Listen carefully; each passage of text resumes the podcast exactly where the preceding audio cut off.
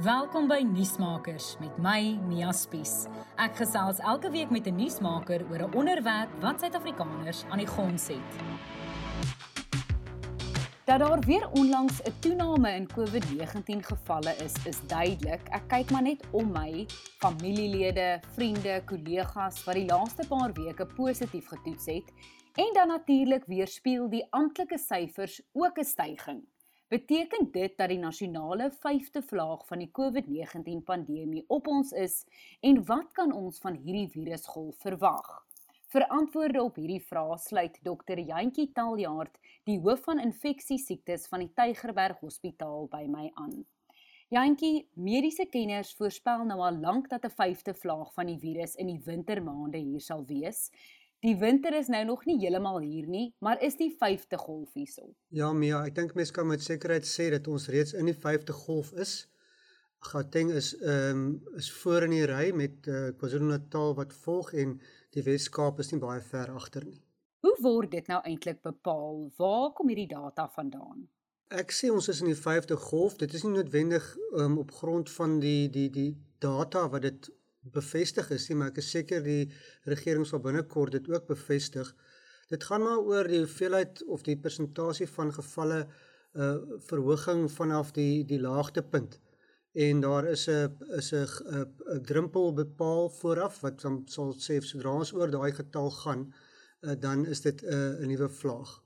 Uh, dit is maar baie tegnies, maar ek dink soos jy self sê, ons weet almal reeds dat die gevalle is op almal rondom ons is siek of is ten minste positief getoets en ehm um, ons is definitief in 'n vyfde vlaag. Ons weet natuurlik die vorige vlaag is gedryf deur die Omicron variant. Daar is ook nou al baie nuwe mutasies van hierdie variant geïdentifiseer. Is dit enige iets waaroor ons bekommerd moet wees? Dit is waar dat ons en en, en ek moet net sê hierdie die huidige vlaag is ook Omicron maar dis nou soos jy self sê daar's mutasies aan dit ehm um, so wat ons sal sê subvariante. Dit is en almal sou al gehoor het van die BA4 en BA5 ek dink nie ons hoef bekommerd te wees nie maar dit is baie belangrik om bewus te wees hiervan. Ehm um, die variante lyk of dit nog meer aansteeklik is as die as die vorige omikron variant. Ehm um, so uh, dit is duidelik dat daar die vlaag miskien baie groter kan wees as die vorige vlag as gevolg van die aansteeklikheid. Daar's natuurlik ander faktore wat ook 'n rol speel, die feit dat ons nie meer so uh um getrou ons maskers dra en ons hande saniteer nie en dat die die grendel um regul, regulasies is baie verlaag. So daai speel ook 'n rol natuurlik met die aansteeklikheid. Ehm um, maar ja, ek dink ons bekommerd hoef bekommerd te wees nie die mense wat wat net bewus moet wees veral hiervan is die mense wat 'n hoë risiko het vir um, erge siekte en hospitalisasie. Ek dink dit is baie belangrik dat hulle besef ehm um, dat daar is 'n verhoogde risiko vir hulle veral en dat dit nie net sommer 'n gewone ehm um, boonste ligweg of 'n ligte verkoue sal wees nie, maar dit miskien ernstige longontsteking kan ontwikkel. Weet ons nou al of hierdie subvariante meer dodelik is of sal mens dit nou eers kan bepaal as meer mense ehm um, hierdie variante opdoen? Ek dink voorlopig kan ons sê dat dit dat dit baie ehm um, optree soos die soos die Omicron variant aanvanklik opgetree het, met ander woorde minder ernstig. Uh, maar dit is nog vroeg, vroeg in die in die in die, die vlaag en ek dink mense sal met sekerheid kan sê later. Maar ek dink die die nuutste ehm um, data wat ek gesien het wys dat die hospitalisasies en sterftesyfers is baie laag in vergelyking met die hoeveelheid gevalle wat positief getoets het. So ek dink 'n mens kan aanneem dat dit ook 'n 'n laer ehm um, graad van siekte veroorsaak. En daar's natuurlik baie redes hiervoor. Dit kan wees dat die variant self minder ehm um, dodelik is, maar dit kan ook wees dat daar baie uh, onderliggende immuniteit of gedeeltelike immuniteit ten minste in die samelewing is uh, as gevolg van immunisasie of uh, inenting, ehm um, sowel as vorige infeksies. En nou net terwyl ons van subvariante praat en mutasies, hoe gebeur dit? Hoe pas hierdie virus aan? Wel die virus is nie uniek in in daardie sin nie. Dit is 'n RNA virus. Mens kry twee soorte virusse, 'n RNA virus en 'n DNA virus. Die RNA virusse waaronder meeste van die virusse val, insluitende HIV, ehm um, um, is en, en ook influenza of of of griepvirus. Hulle is hulle is onstabiel en soos hulle vermeerder uh, is daar 'n proses waar hulle hulle eie RNA natuurlik moet moet moet replikeer sodat hulle nog virusse kan maak en in daai proses maak hulle 'n klomp foute in hulle in die in in die in die replisering. En en daai klein foutjies is dan nou mutasies wat dan die die struktuur van die die die virus verander. Baie van hierdie mutasies soos dit gebeur, ehm um, is nie lewensvatbaar vir die virus nie en daai virusse kan nie oorleef nie. Maar sommige van hulle uh, is ehm um, pas beter aan by die omgewing, is miskien meer aansteeklik en soms selfs meer dodelik. Maar dit is definitief nie 'n unieke verskynsel nie, dit is te verwagte en ehm um, dit is regtig nie uh, verrassend dat die virus muteer nie.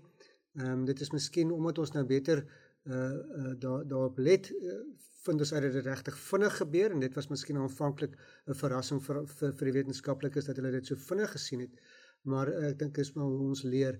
Ons het nooit voorheen regtig virusse so veral die die respiratoriese virusse, die verkoue en griepvirusse so goed gemoniteer om te sien hoe vinnig hulle muteer nie. Ons weet natuurlik daar was groot druk op die gesondheidstelsel met van die vorige vrae. Gaan die gedrag van hierdie spesifieke subvariante bepaal hoe ernstig die druk op van ons hospitale en klinieke gaan wees? Ja, ons het met die vierde vlaag gesien dat dit reeds baie laer was en ek dink die hoop is dat dit in hierdie geval weer eens baie laer gaan wees as gevolg van die minder erge siekte. Ehm um, ons sien reeds 'n uh, toename in hospitalisasie, uh, veral in Gauteng waar dit begin het, maar ons sien ook nou reeds in in in die Wes-Kaap 'n geringe toename in hospitalisasie, maar definitief nie noemenswaardig om ekstra druk te plaas nie. Iets wat 'n mens kan verwag met die begin van die van die wintermaande, is dat daar meer uh, respiratoriese siektes sal wees en ons sien gewoonlik in hierdie tyd 'n verhoogde toename in, in longontstekings en ander ander respiratoriese siektes is inentings nog steeds doeltreffend um, teenoor die subvariante. En beteken dit mense moet nou nog steeds gaan vir hierdie um, aanvullende uh, inentings oftewel die booster shots. Ja, ek dink dit is baie belangrik dat mense verstaan waar pas die inenting in in die hele geveg teen die pandemie. En en, en en vir my is dit baie belangrik dat ons weet dit is dit is ja om infeksies te voorkom. Dit voorkom 'n groot aantal nuwe infeksies. Maar die grootste waarde wat mens uit die enstof put, is dat dit die graad van siekte verlaag. Dat 'n mens nie ernstig siek word nie, gehospitaliseer word of in die intensiewe sorg eindig nie. Ehm um, so dit het definitief nog 'n uh, effek op die vermindering van nuwe infeksies. Uh, minder so want die die subvariante het 'n bietjie van 'n immuunontsnapping waar hulle die immuunstelsel kan ontsnap en wel infeksie kan veroorsaak. Ons kan miskien nou daaroor praat, maar maar dit is nog steeds net so effektief om erge siekte te voorkom. En dit is van die begin af het het vanaf die eerste eh, inentings het, het wetenskaplikes besef dat dit die groot waarde van die enstof is. Soos jy nou net genoem het, ehm um, van die immuniteit ontsnapping, hoe kan mens dit voorkom? Ehm um, en hoe lank hou immuniteit na 'n inenting? Ehm um, ja, hoe voorkom mens dat dit nie jou immuniteit ehm um, sy stap nie? Wel, dit is nou ongelukkig nie iets wat 'n mens regtig kan voorkom nie. Almal almal van ons het verskillende mates van van uh reaksie op 'n enstof. Sommige van ons ontwikkel 'n baie sterk immuniteit en uh die die die selfde subvariante gaan gaan dit nie kan oorkom nie. Maar ander uh mense het miskien uh net 'n gemiddelde immuunrespons wat vinniger verswak oor tyd. So daar's baie variasie. Dit is baie afhangende van die individu uh se se reaksie op die enstof.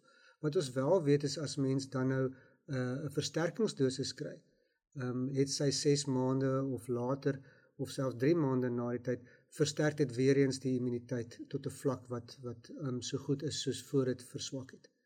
Ehm um, maar ongeag die versterkingsdosis, die beskerming teenoor erge siekte en hospitalisasie bly nog steeds baie sterk voor die versterking van die van die van die enstof.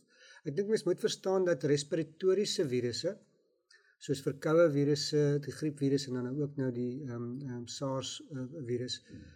Ehm um, hulle infekteer die slijmvlies van die respiratoriese stelsel, meestal die boonste lugweë, die neus en die keel. En die immuniteit in daai slijmvlieslaag is maar is maar baie swak en verswak baie vinnig. Dit is 'n ander soort antiliggaam wat 'n mens nodig het. Die antiliggame wat jou beskerm teen long ehm um, infeksie en pneumonie of of of sistemiese infeksie, erge siekte is is is 'n antiliggaam wat wat wat steeds baie effektief is ehm um, na die inenting. En ons ook ander selle wat jou beskerm teen ernstige infeksie. En dit is hoekom ons sien dat mens nog steeds infeksie kan kry want daai oppervlakkige immuniteit uh, ver, gaan baie vinnig weg. So jy kry nog steeds infeksie, maar jou dieper immuniteit bly nog steeds sterk en daarom kry jy nie erge siekte nie. Beteken dit dat ons nou elke 6 maande of so 'n inenting gaan moet kry vir die res van ons lewens of waarna kyk mens um in daai geval? Ja, ek dink ons kan maar net spekuleer want omdat hierdie dinge hang maar baie af van van wat die ehm um, Wêreldgesondheidsorganisasie ehm um, regerings ehm um, en so ensovoorts besluit. Maar vanuit 'n wetenskaplike oogpunt dink ek mens mens sal moet besluit uh wat is die waarde wat jy byvoeg met 'n um, herhaaldelike inentings? Is dit maar net om nuwe infeksies te voorkom? Maar dan moet ons almal inent teen teen alle verkoues en, en en ons doen dit nie. Of is dit om erge siekte te voorkom? En hoeveel inentings het jy nodig om op 'n lang langtermyn um, erge infeksie te voorkom? En dit weet ons nog nie. So met dit kan miskien wees dat dit nie jaarliks gaan nodig wees nie as ons besluit dat ons net erge siekte wil voorkom. Um, of dit kan wees dat slegs mense wat hoë risiko het dit jaarliks moet kry of dan 5 jaarliks. Ons weet nog nie wat die antwoord is nie. Ek ek vermoed dat ons gaan op ons gaan by 'n punt kom waar ons waar ons op 'n punt moet sê uh die hoë risiko persone moet definitief gereeld ingeënt word dit is ook die punt waar ons is met griep want ons weet daai mense het 'n hoë risiko vir erge siekte en en en en om te sterf van die intensiewe sorg. En en dat ons gesê het mense met 'n laer risiko moet miskien net die basislyn ehm um, in en en stowwe kry en miskien dan elke 5 tot 10 jaar ehm um, herhalings kry, ek weet nie. Maar ek dink dit is dit is 'n meer haalbare ehm um, uh, toekoms wat ek vir myself kan insien. Jy het natuurlik vroeër gepraat oor maskers en byvoorbeeld handsanitasie. Ons weet mense is nou al keelvol vir maskers dra en volgens die regulasies hoef is dit nie meer verpligtend om in die meeste plekke 'n masker te dra nie, veral waar ons nou staan in die begin van 'n nuwe vlaag van infeksies. Sou jy dit aanbeveel al is dit nie noodwendig wetgewing nie? Ja, dis 'n moeilike een om te antwoord. Ek hou self nie daarvan om heeltyd met 'n masker rond te loop nie. Maar ek dink ehm um, as 'n mens kyk na die wintermaande in in Suid-Afrika. Daar's so baie verkoues, daar's griep, daar gaan nou ook 'n uh, eh, um ehm, COVID wees en dit het so groot invloed op um, op die produktiwiteit van die land, op die um um vermoë van kinders om skool toe te gaan ensovoorts. Dat ek dink 'n mens moet maar in die wintermaande ekstra voorsorg tref. Het sy dit dan nou um gereelde sanitasie van die hande is um, en dan binnensmuurs 'n uh, maskers dra vir alles 'n mens naby mekaar sit vir alles 'n mens uh, miskien sing of of sulke dinge doen waar jy weet dit 'n uh, hoër risiko vir vir um, verspreiding is. Um, en veral waar jy nie die vensters kan oopmaak nie of waar daar nie goeie ventilasie is nie. So 'n mens moet doelgerig besluit waar is die hoë risiko's en jou in jou masker dra in daai omstandighede. As ek 'n werkgewer is, sal ek definitief my uiterste vermoë doen om my uh, werknemers uh, te beskerm teen teen infeksie in die werkplek want dit het 'n impak op jou produktiwiteit op die einde want as daar skielik um, in 20 uit die 25 mense by die huis moet bly dan het het, het jy 'n probleem. Behalwe vir COVID, asof dit nou nie erg genoeg is nie, is daar nou weer 'n ander virus wat kop uitsteek, die Lassa virus. Jantjie, wat weet ons van die geval wat in Suid-Afrika aangemeld is en moet ons bekommerd wees? Nee, ons hoef nie bekommerd te wees nie. Die Lassa virus is 'n virus wat baie beperk is geografies uh, tot die tot Wes-Afrika. Nigerië veral en 'n paar lande rondom Nigerië. Ehm um, dit is uh veral in die plattelandse areas uh van van daardie lande. Dit word oorgedra deur muise ehm um, wat in huise inkom en in, in die voedsel ensovoorts ehm um, besmet. En dit kan meestal uh um, net 'n geringe siekte veroorsaak, maar soms kan dit baie erge siekte veroorsaak en amper 'n uh, virale hemorragiese koors veroorsaak. Ehm um, um, wat in hierdie geval wel gebeur het en 'n persoon het gesterf. So en dit kan oorgedra word van persoon tot persoon in die gesondheids ehm um, um, sektor as mens sorg vir so iemand en dit kan ook oorgedra word in families uh, in mense wat in dieselfde huis woon. Ehm um, maar dit is nie baie algemeen. Dit dit dra nie so maklik oor soos Ebola of ehm um, um, Krim Kongo koors ehm um, wat ook virale hemorragiese koorse is nie. So nie ons hoef nie bekommerd te wees nie. Hierdie persoon het dit in Nigerië opgetel in die plattelandse areas van Nigerië en uh, in Suid-Afrika aangekom en hier siek geword. Ehm um, sover ek verstaan is niemand anderster het aangesteek by hom nie, so dan is dit dan ook um, die einde daarvan. Dan is daar ook kommer oor 'n virus wat veral kinders raak. Ehm um, dit is veral in die Verenigde Koninkryk aangemeld. Vertel ons net bietjie meer daaroor. Ja, dit eintlik in in in Engeland ont, ontwikkel in Engeland, Skotland en in, in die Verenigde Koninkryk en hulle het opgetel dat daar ehm uh, meer as gewoonlik jong kinders ehm um, erge uh, lewerinfeksie ontwikkel ehm um, en geelsig en ehm um, hulle het gesien dat dit meer as die normaal is en som, sommige van die kinders het 'n ernstige siekte ontwikkel waar hulle selfs leweroorplanting nodig gehad het. Hulle het dit onmiddellik bekend gemaak en ehm um, dwars oor die wêreld het mense begin om om om te soek hiervoor en in Amerika het hulle ook gesien dat daar verhoging is. Ander lande in Europa het ook dit gesien en en 'n paar ander ehm um, lande in Suidoos-Asië het ook 'n verhoging gesien.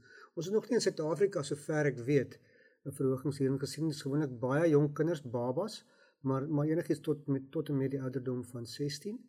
En dit is nog onseker wat die oorsaak hiervoor is. Dit lyk tog dat dit wel 'n virusinfeksie is. Um, 'n Groot hoeveelheid van hierdie um um, um kinders het 'n sekere virusinfeksie ontwikkel wat hulle adenovirus 41 noem. Maar hierdie virus is baie bekend, maar dit is nie bekend dat hy so erge lewerinfeksie veroorsaak nie. Dit is gewoonlik maar 'n bietjie van 'n 'n diarree virus. Ehm um, dit het hou geen verband met die adenovirus wat in enstowwe is nie. Dit hou ook ehm um, en hulle het ook natuurlik die kinders getoets vir ehm um, vir COVID-19 en 'n baie klein persentasie het antiliggame gehad wat maar net deel is van van normale antiliggame van vorige infeksie die meeste van die kinders omtrent dink al die kinders in in die Verenigde Koninkryk waar die meeste gevalle is, het is nie ingeënt teen COVID-19 nie. So dit hou ook geen verband met die COVID-19 in inentings nie. So dit is nou natuurlik iets wat mediese kenners wêreldwyd baie fyn dophou op hierdie stadium.